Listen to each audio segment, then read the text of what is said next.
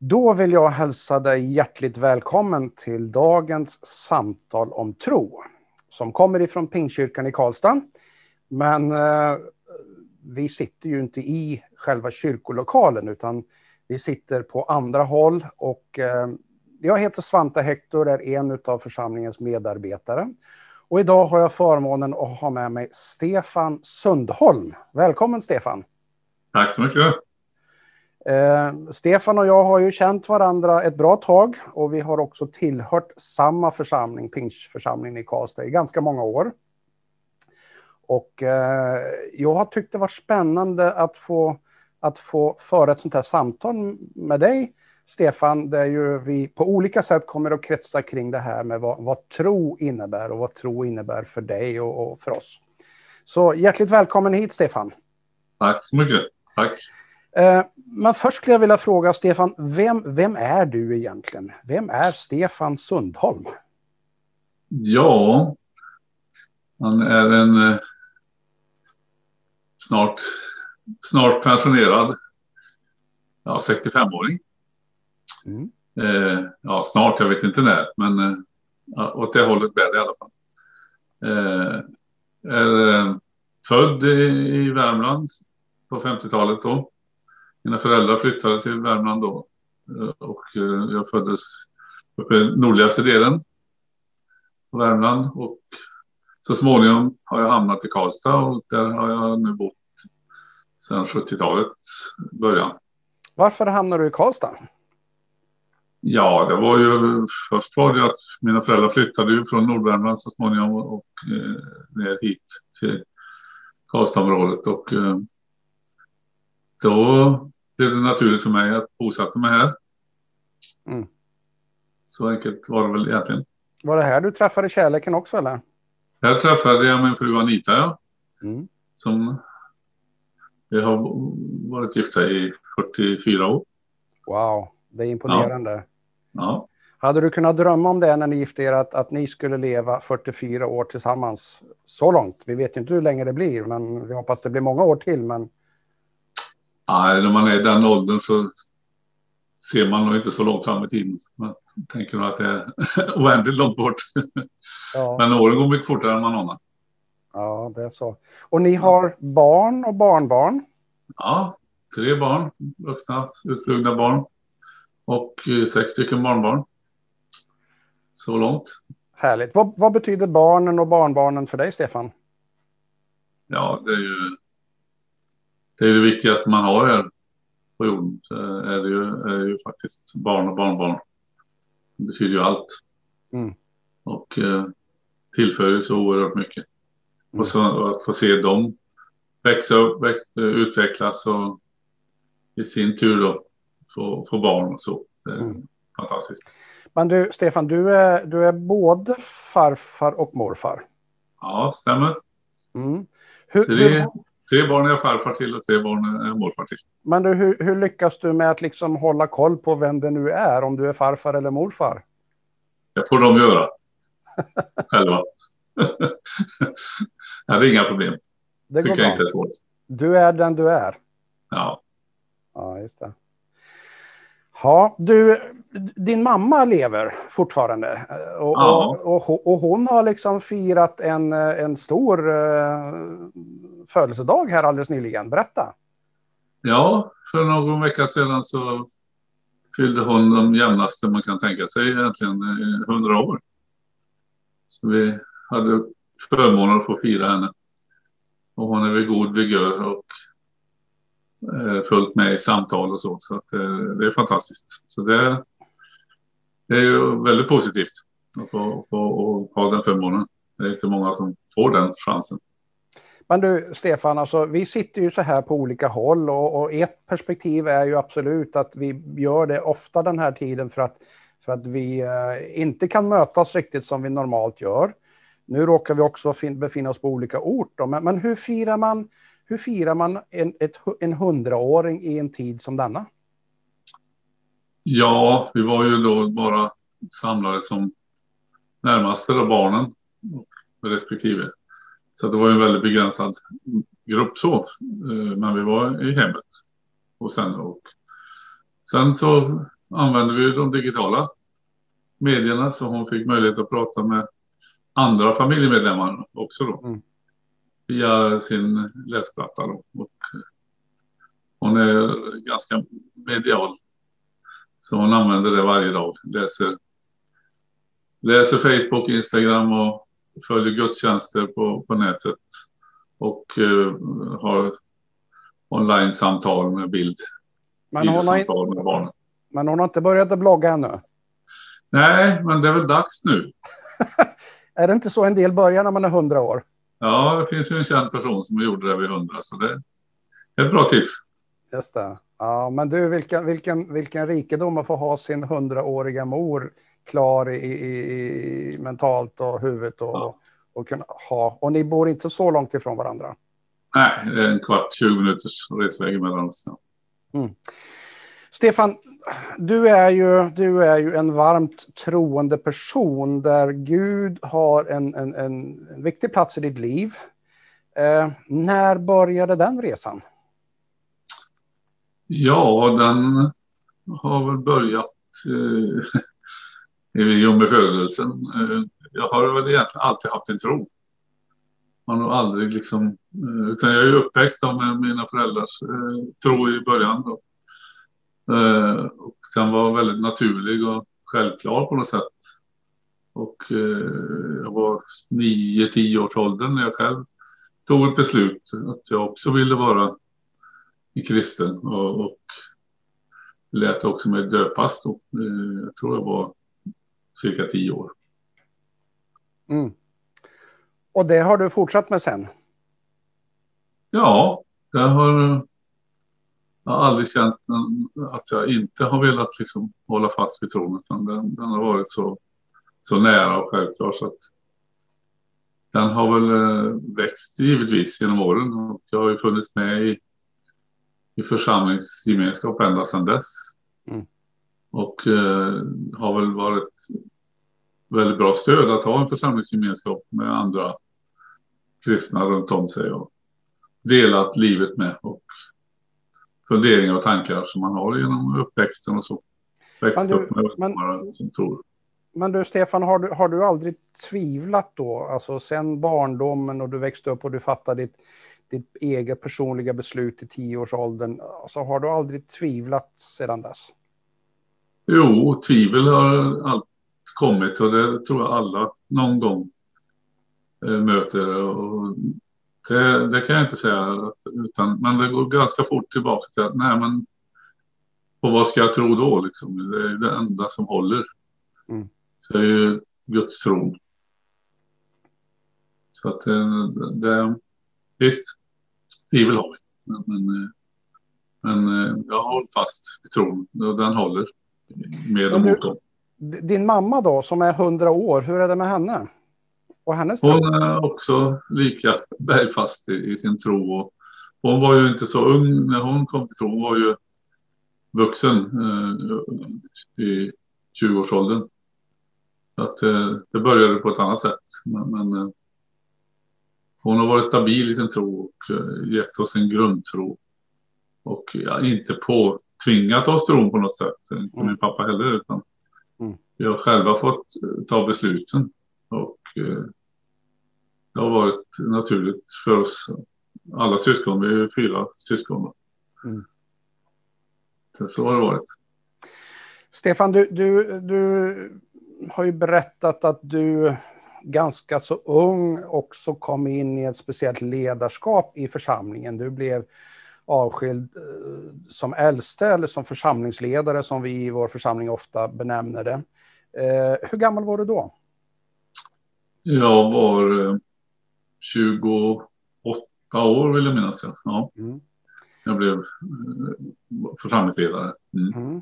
Vad, vad, har det inneburit för dig och din tro att vara församlingsledare? Ja, det har väl i och för sig lagts en större, ett större ansvar på mig att, eh, att stå upp för min tro kanske och visa på att eh, för andra att det håller att tro. Vara ett föredöme givetvis. Mm. Det, det, har det väl betytt. men också en, en tillgång, en möjlighet att få dela i gemenskap med andra ledare och formas tillsammans och samtala om olika frågor om tron och om teologi och mycket annat. Mm. Församlingsledarskap överhuvudtaget. Att leda en församling, hur gör man det? Mm. Så det, det har varit både, både en tung eh, börda men också en mycket inspirerande möjlighet mm. och gåva. Du, jag, jag, ser här nu att den här brasan jag har här, den, den liksom håller på att ja, nästan slockna och det, det, det, blir lite glöd bara här. Så jag lägger in, jag lägger in någon mer vedbit här. Eh, men Stefan, när jag gör det, liksom, vad tänker du på då kring det här med tro? Ja, då tänker man ju direkt på den heliga ande. Okej. Okay. Och eh, elden eh, är ju en bild på den heliga ande. Men eh, att hålla liv i tron får man ju god hjälp av den heliga ande. Mm. Man får ett tilltal kanske i, i, i sitt hjärta från, från den helige ande. Mm. Så det tänker jag på spontant så, när du lägger ja. in att man behöver mata, mata sitt liv också med, med ved. Alltså, mm. då handlar det om att läsa Guds ord och att eh, be. Mm. Jag tänker också på en, en, annan bild här och det är att jag, jag, älskar ju att elda i den här braskaminen här. Vi, jag befinner mig i vår stuga som min mamma, liksom platsen där min mamma har vuxit upp. Och eh, vi, vi, vi älskar att elda i den här, men det intressanta är ju att det brinner när det finns vedbitar eller vedklabbar i, i brasan. Men det räcker sällan, eller det är väldigt svårt att få eld om det bara är en. Det måste vara två eller flera som ligger tillsammans eh, nära varandra. Det är först då som liksom elden verkligen kan fortsätta att brinna. Annars är det lätt att det bara blir glöd som inte blir så mycket med. Eh, vad tänker du när jag, när jag, när jag ger den perspektiv, det perspektivet? Ja, gemenskap och, och, att man behöver vara fler blir det spontana. I, I församlingen är man ju ett antal människor och tillsammans får vi inspireras och, och söka Gud och söka Guds andes ledning. Mm. Att man inte ska vara ensam utan man, man ska göra det tillsammans tror jag är väldigt viktigt. Mm. Man, man finner svaren tillsammans. Kan man tänka sig så här att tron är väldigt personlig, alltså det är inte någonting man kan, man kan ärva eller ta över från någon annan. Man kan naturligtvis inspireras, men man måste äga tron själv. Men tron måste delas för att leva. Ja, tycker jag stämmer bra. Mm. Du Stefan, vi ska återkomma till det här med vad gemenskap kan betyda och lite grann hur man kan, man kan eh, göra för att, för att nära en sån här gemenskap som gör att elden håller sig brinnande och levande. Men det finns, finns eh, jag, när vi förberedde det här samtalet så frågade jag dig, är, det något eller några bibelställen som har betytt väldigt mycket för dig? Eh, och då, då, då nämnde du ett par bibelställen. Jag tänkte jag, jag vill läsa dem och så kan vi väl samtala lite grann, så får du berätta lite grann, varför har de här eh, en speciell betydelse eller en, eh, betytt mycket för dig? Mm. Och då är den första, första versen här är ifrån eh, Gamla Testamentet, ifrån en bok som heter Josua. Och Josua var ju, vad ska man säga, efterträdaren till Mose, som är en väldigt stor profil i Gamla Testamentet, kallas ibland för en patriark. Och i Josua 1 och 9 så står det så här då. Jag har ju sagt, var tapper och stark. Låt dig inte skrämmas. Bli inte förskräckt. Herren din Gud är med dig i allt vad du gör. Varför har den här varit viktig för dig, Stefan? Ja, dels så, så fick jag de här verserna till mig under en eh, tid när det var extra tungt och svårt. Och bördan var kanske lite för, för övermäktig. Och eh, jag gick för några år sedan in i något som vi brukar kalla för väggen. Mm. Som många tyvärr har erfarenhet av. Och eh, då fick jag de här versarna på en skriven lapp av min yngsta dotter. Eh, de har jag sparat och läst gång på gång. Och just i, i den situationen så, så, behövde jag just de orden för att orka. Mm. Och eh, vi stod eh, uppe i en ganska tung situation och behövde fullfölja. Och eh, de här gav mig mod och styrka. Jag läste dem dagligen under en period. Mm. Så det är väl anledningen till att jag valt den här mm. Kon kontexten, eh, vill du säga någonting om kontexten här i Gamla Testamentet när de här, när de här uttalades? Ja, det är ju Josua då som, som fick ta över efter när Mose hade dött och bli, bli en ledare för folket och eh, han fick uppdraget att, att leda hela eh, Israels folk till det land de hade blivit lovade. Och att han då skulle vara tapper och stark och fullfölja och inte, inte vara rädd och tveka utan gå i tro. Mm. Och handla i tro. Så det är väl det, är väl det som är ursprunget till texten. Mm. Kan, du, kan du känna igen dig någonting i den? Ja, det kan jag. Alltså, om man påbörjar ett, ett projekt eller vad det nu handlar om i, i livet, det kan ju vara vad som helst egentligen. Så, så om man känner frid och, uh, lugn och ro inför ett beslut och att man, man vill göra och ta, ta en viss väg så ska man göra det i tro på Gud. Och han har lovat att vara med i allt vad vi företar oss. Mm. Det tycker jag är väldigt tryggt att veta. Mm. Den här texten är ju då given då till just en ledare. Han är redan ledare men, men är på väg att gå in liksom i en ännu större ledaransvar. Och, och, då tänker jag så här, du har ju varit då en ledare på olika sätt. Det, naturligtvis är du en ledare som förälder i din familj. Eh, vi, vi pratar om att du också har varit och är församlingsledare sedan du var 28 år. Du är också ledare i ditt arbete så tillvida att du är lärare och, och ja, leder unga människor i, i ert lärande. Så här. Eh, vad skulle du vilja säga är, är det mest glädjefyllda med att vara ledare? Ja, det är,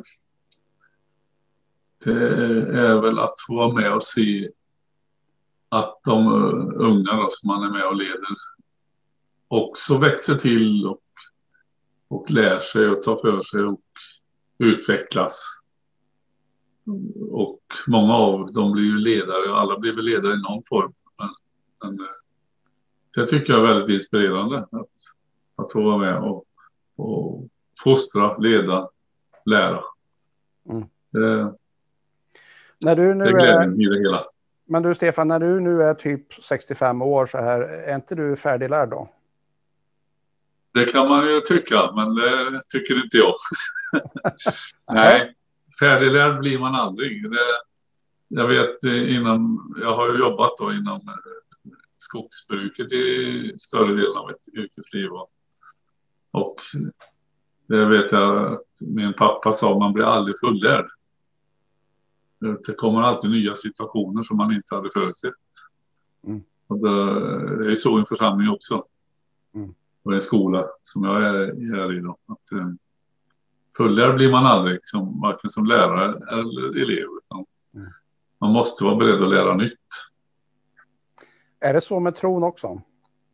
Ja, tycker att man behöver lära sig. Man får nya erfarenheter, man möter nya, nya människor, nya eh, prövningar. Ja, livet är ju omväxlande för oss alla. Mm. Och då behöver, behöver vi lära oss att hantera olika situationer.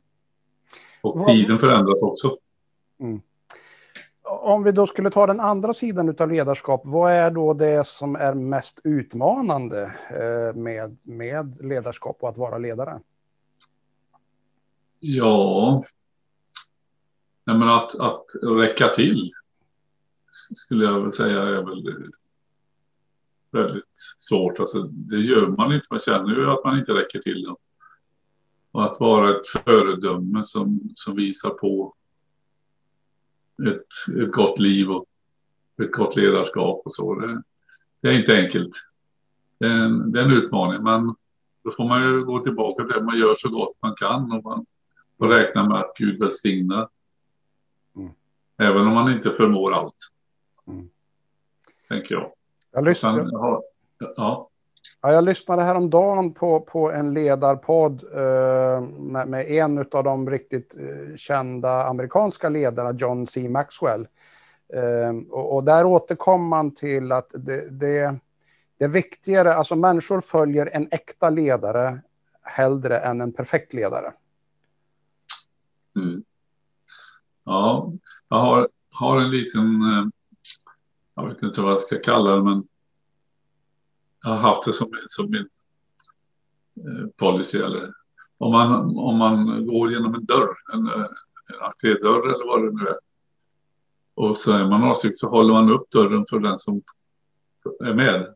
Mm. Att hålla upp dörren för sin nästa. Det, det, hjälper ju den att komma in och det tycker jag kan vara användbart även i församlingsliv och i yrkesliv. Mm. Jag har ju märkt det, jag har haft det som min grej på mitt jobb att jag håller upp dörren för den som är med. Mm. Och jag har märkt att det är fler och fler som gör likadant. Jag ser elever som håller upp dörren för varandra många gånger. Och det tycker jag är väldigt positivt som man kan på ett enkelt sätt visa på att vara ett föredöme. Mm. Ja, det är bra Stefan. Du, du har en, eh, eh, en bibelvers eller, eh, eller ett bibelsammanhang till som du har lyft fram. Då. Det är från Matteus 11 med start från vers 28 då. Och det här har du också valt som, som ett ställe och det står så här. Kom till mig, alla ni som är tyngda av bördor, jag ska skänka er vila. Ta på er mitt ok och lära mig som har ett milt och ödmjukt hjärta, så ska ni finna vila för er själ. Mitt ok är skonsamt och min börda är lätt. Vad tänker du kring det här? Varför har det här varit viktigt och är viktigt för dig? Ja, som jag sa förut så kom ju den här bibelverserna samtidigt till mig från min dotter då, och eh, i samma situation. Och, och eh, jag var ju mycket trött. Både fysiskt och psykiskt och behövde vila. Och eh, det var ju det här jag fann vilan i, i, i bibelläsningen, i bönen. Och att jag lyssnade på mycket musik, sånger och musik som handlar om samma sak. Eh, att, att, att tro är inte en börda, det är en, en vila. Mm. Wow. Vilket statement. Att tro är inte en börda, det är en vila. Det är en förmån. Mm. Du, vi ska alldeles strax börja runda av här, men, men det finns ett annat område som jag ändå vill komma in i. Du och din fru Anita, ni har ju byggt ett nytt hus för inte så länge sedan. Och jag har ju haft förmånen att vara där ett antal gånger, eh, ganska många gånger. Och, och, jag vet när ni berättar om hur ni hade tänkt där, så, så berättar ni att, att det var viktigt för er att ha en stor öppen yta nere på bottenplan. Eh, och eh, dessutom har ni en fantastiskt fin utsikt där. Men varför var det så viktigt att ha en stor öppen yta? Jo, vi sa det när vi fick förmånen, måste jag ju säga, och möjligheten att, att skapa vårt vad ska man säga, livsverk. Vi hade drömt i många, många år om att bosätta oss i en sån här miljö. Lite på landet då, som det är. Och eh, då kände vi att vi ville inte, ville inte behålla den ytan bara för oss själva utan vi ville kunna ha folk hemma i huset på ett lättvindigt och smidigt sätt. så att när man kom in i huset skulle man också se ut genom fönstren, alltså att det skulle vara öppet och man skulle kunna ta del av eh, den natursköna runt om. Så, så ett öppet hem och plats för många eh, uppfattar jag, det var liksom viktigt för er. Ja. Och ganska så snart efter att ni liksom hade byggt och, och, flyttat in och så här, så, så vet jag att ni satte upp ett mål av att det här året så, så eh, och då sa ni så här att det här året så, så vill vi ha åtminstone 100 unika besökare hemma hos er. Eh, ja. Hur gick det med det där? Ja, det stämmer. Vi satte upp det målet. 100 unika. Alltså, det kunde vara personer som var här flera gånger, men de räknades bara en gång. Mm. Och, eh, och det var ju just i syfte att fler skulle... Det var inte bara för oss det här, mm. den här platsen och det här huset, utan många skulle få njuta av det. Och eh, vi satte upp 100 eh, under året och med no några dagars eh, ytterligare marginal eh, över årsskiftet så var vi uppe i 100. Mm. Så det, det, går att uppnå målen bara man sätter upp dem och, och, och, jobbar mot målet.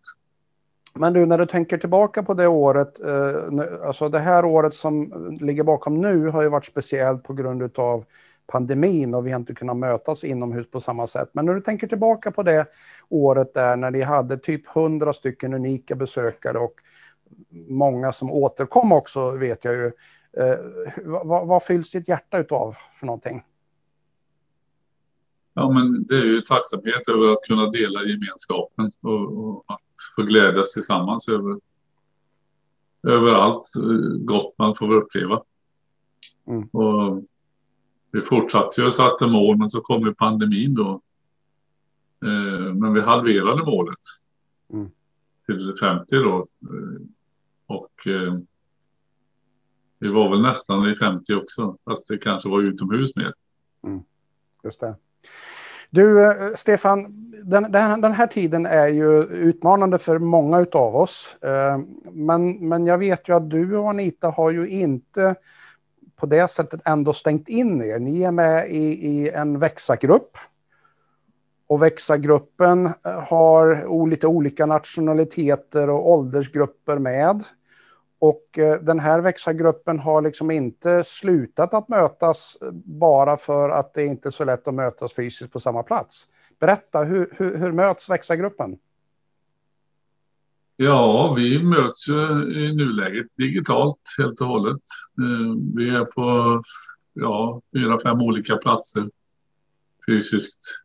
Man kopplar upp oss då vid en bestämd tidpunkt. Ibland är det någon som kommer lite senare och har förhinder och så. Men, men eh, det funkar jättebra. Jag tänkte vara lite skeptisk till just hur den gemenskapen skulle bli, men tycker att efter varje gång vi har samlats digitalt så känns det oerhört gott och att man har fått dela livet och vardagen som man är mitt uppe i. Mm. Och, och, hjälpa varandra att samtala om olika problem och be för saker och ting. Eh, och det går lika bra eh, digitalt som men sen är det klart att vi helst vill åter till den fysiska gemenskapen, att mötas i hemmen. Så. Mm. Tids nog får vi det också, men om vi håller ut. Eh, så att jag tycker att jag skulle uppmuntra alla som, som har möjligheten att ja, men gör det. det. Det är ett väldigt effektivt sätt att mötas på också. Mm. Man reser ju ingenstans utan man är ju fortfarande kvar i hemmet. Så det, ja, jag tycker det är jättebra. Och kanske kan det vara så att om man har rest så kan man ändå koppla upp sig och vara med?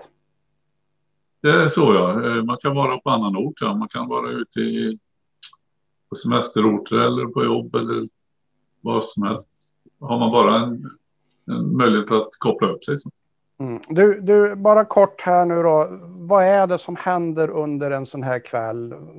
Tar en timme, en och en halv eller någonting uppkopplad. Vad, vad, vad brukar det vara de viktiga liksom, ingredienserna i, i en sån gemenskap? Vi brukar samtala först om, om vardagen som den är och få berätta lite grann hur veckan har varit och vad vi står uppe i för situationer. Vi brukar eh, ta någonting vi är tacksamma för, brukar vi prata om. Alltså, är det någonting vi har att känna tacksamhet över så får vi gärna nämna det. Men också att nämna sånt som man är oroad av eller bekymrad för. Och så ber vi tillsammans, vi läser någon kortare bibeltext och, och tänker lite grann utifrån den vad den säger oss var och en. Och det kommer fram väldigt många olika tankar när man är fler mm. än om man bara är själv och, och analyserar. Så det är ett litet, det är ett litet utforskande av det här bibelordet och, och ja. inte bara utifrån ett historiskt perspektiv utan vad betyder den här för oss här och nu? Ja. Och kanske vem, vem kan man... Vad, vad leder den här till för inspiration? Vad, vad, vad, gör vi med det här? Och kanske vem delar vi det här med? Mm. Precis. Mm. Stefan, vad spännande att få samtala med dig. Eh, och eh, nu har klockan gått så vi ska runda av det här samtalet om tro. Eh, men Stefan, om, om någon skulle vilja vara med i en sån här växargrupp, är det möjligt? Är det exklusivt bara för några få eller? Nej, det är möjligt för alla. Det är bara att höra av sig till vår församling eller till någon av oss eller någon man känner mm. som, som man kan dela det med och så kan man starta en grupp också om man är några stycken och, och förankra det med, med de som är ansvariga för växargrupperna. Just det. Och det tycker jag absolut man ska göra. Man behöver inte vara 20 stycken för att börja utan man kan vara två, tre, fyra. Och så. Tids nog så växer gruppen för det är alltid någon mer som vill vara med. Just det. Mm, det är bra. Och eh, i rutan här så, så, får du nu kontaktuppgifter där du kan höra av dig om du skulle vilja vara med i en sån här liten gemenskap som vi kallar för växargrupp och eh, där, där gemenskapen finns, omsorgen finns, men där också vi delar tron och utforskar vad tron innebär i det vardagliga livet. Tack Stefan för att jag fick samtala med dig. Eh, och nu ska, vi, nu ska vi runda av med en bön. Vill du be en bön tillsammans med oss? Ja, det gör jag gärna. Tack Jesus för den här möjligheten att få samtala om tro. Om att få tro på dig, Herre. Tack för vad du betyder för oss, Herre. Tack för att du, Herre, har gett oss möjligheten att dela tron tillsammans. Tack, Herre, att du vill välsigna var och en som tar del av ordet och, och gudstjänsten, Herre. Tack att du låter tron växa och spira i, människors hjärtan, Herre. Tack att vi får överlämna oss själva i dina händer och tro på att du välsignar vår morgondag, Herre. Tack att vi får gå in i morgondagen med dig i våra hjärtan och förtrösta på dig. Tack att du hör oss när vi ber. I Jesu namn. Amen. Amen. Amen. Och för dig som har tagit del av det här eh, via nätet, via din skärm där du nu än sitter, så ja, återkom gärna. Vi har fler sådana här samtal om tro som dyker upp på, på Pingkyrkan i Karlstad på vår Youtube-kanal eller på vår hemsida. Och vi har också varje söndag ett, eh, ett tillfälle där vi kan mötas via Zoom och få dela en gudstjänstgemenskap online. Eh, än så länge och så hoppas vi att vi så småningom kommer att kunna mötas när, när hälsosituationen tillåter det. Så välkommen gärna att vara med oss fortsättningsvis också. Och så önskar vi dig bara Guds välsignelse.